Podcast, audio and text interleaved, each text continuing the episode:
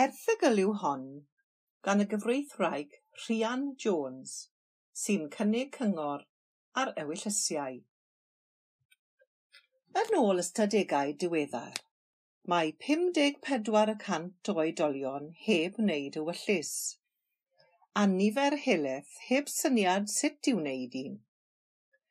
Ewyllys yw'r unig ffordd gyfreithiol o sicrhau beth ydych chi eisiau digwydd i'ch eiddo yn dilyn eich marwolaeth, a hefyd pwy fydd yn gofalu am unrhyw blant fydd o dan deunaw mlwydd oed.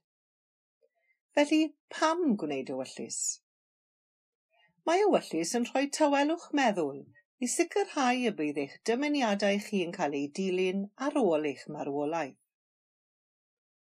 Heb ewyllys, mi fydd eich ystad yn cael ei ddosbarthu yn unol ar gyfraith di-ewyll ysef, a gallai olygu na fydd eich teulu, ffrindiau ac elusennau yn etifeddu fel y mynwch chi.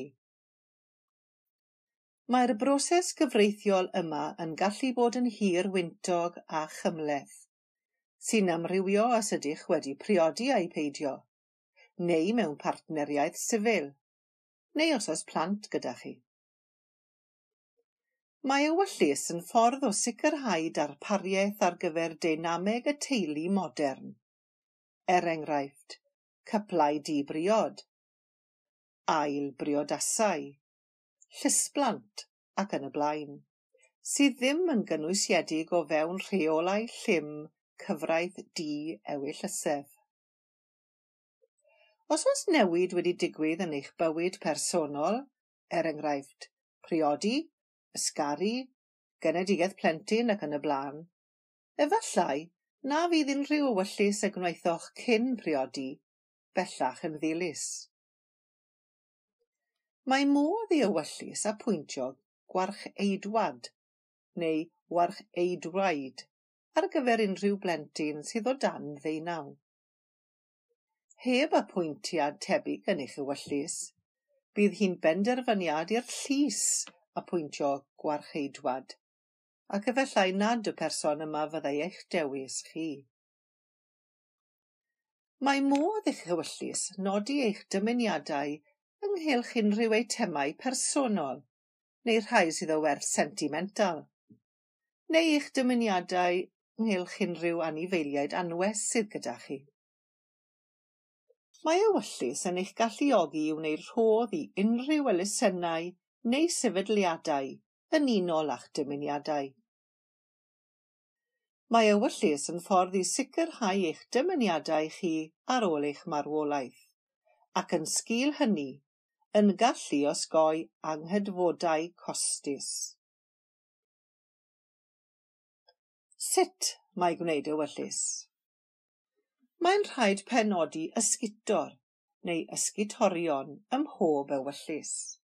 Y bobl yma bydd yn gyfrifol am sicrhau gweinyddu eich ystad, a bod eich ystad yn cael ei ddosbarthu yn unol â'ch dymuniadau yn eich ewyllys.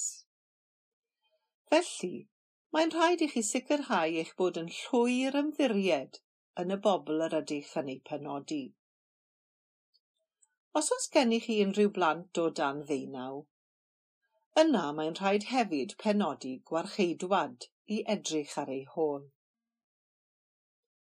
Mae modd i chi ysgrifennu eich ewyllys eich hun, yn enwedig os nad oes gennych chi ystad gymleth.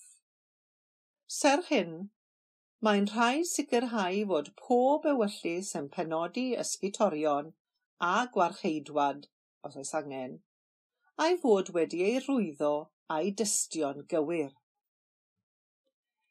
gallwch benodi cyfreithiwr i ysgrifennu eich ewyllys.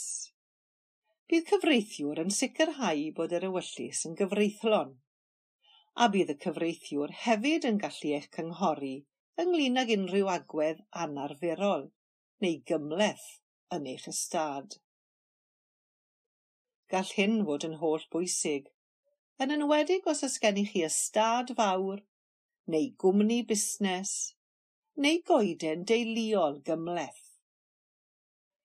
Gall cyfreithiwr hefyd weithio ar y cyd gyda'ch cyfrifydd neu gynghorydd ariannol ynglyn â'ch sefyllfa treth etifeddiant.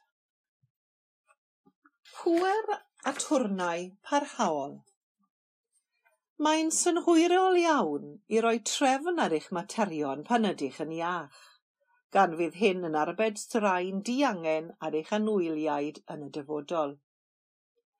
Yn sgil hyn, mae modd gwneud pŵer a twrnau parhaol. Fydd yn apwyntio a twrnau neu atwrneiod i actio ar eich rhan os nad ydych yn y dyfodol yn gallu edrych ar ôl eich materion ariannol eich hun. Does dim terfyn ar nifer yr atwrnau y gallwch benodi, ac fe all yr rhain gael eu hapwyntio i weithio yn unigol neu ar y cyd. Byddwn yn eich cynghori i benodi cyfreithiwr i ddrafftio'r dogfennau, gan ei bod yn gallu esbonio'n union beth yw'r broses ynghylch gwneud y pŵer. Ynghyd â sicrhau ei fod wedi ei lofnodi a'i gofrestru'n gywir gyda swyddfa'r gwarcheidwad cyhoeddus. Unwaith mae'r pŵer wedi ei gofrestru gyda swyddfa'r gwarcheidwad cyhoeddus, ac ond bod y pŵer yn anghyfynedig, mae modd i'r atwrnau ddefnyddio'r pŵer a gweithredu ar eich rhan am weddill eich oes, cyhyd ac nad ydych chi yn ei ddyrymu. Bydd eich atwrnau yn gallu gweithredu ar eich rhan ynghylch y materiol canlynol cael mynediad i'ch gwybodaeth ariannol. Prynu neu werthu tŷ. Defnyddio eich cyfrifon banc neu fuddsoddi. Talu am wasanaeth gofal neu feddygol a gwneud cais am arian ar gyfer y gwasanaethau yma. Derbyn pensiwn a bydd daliadau ar eich rhan derbyn incwm neu etifeddiaeth ar eich rhan. Dim ond pan fo gennych allu meddyliol llawn y gallwch wneud pŵer a twrnau parhaol. Ynghyd â'r pŵer a twrnau ar gyfer materion ariannol, mae hefyd modd gwneud un ar gyfer eich materion lles. Nodwch Mae dim ond pan nad oes gennych chi'r gallu meddyliol llawn y bydd y pŵer yma'n gallu cael ei ddefnyddio. Serch hyn, mae'n ddoeth i wneud y ddau bŵer ar yr un pryd. Darllenwyd yr erthygl hon gan Caroline Davies, aelod o gangen Llanabyddyr, Rhanbarth, Ceredigion.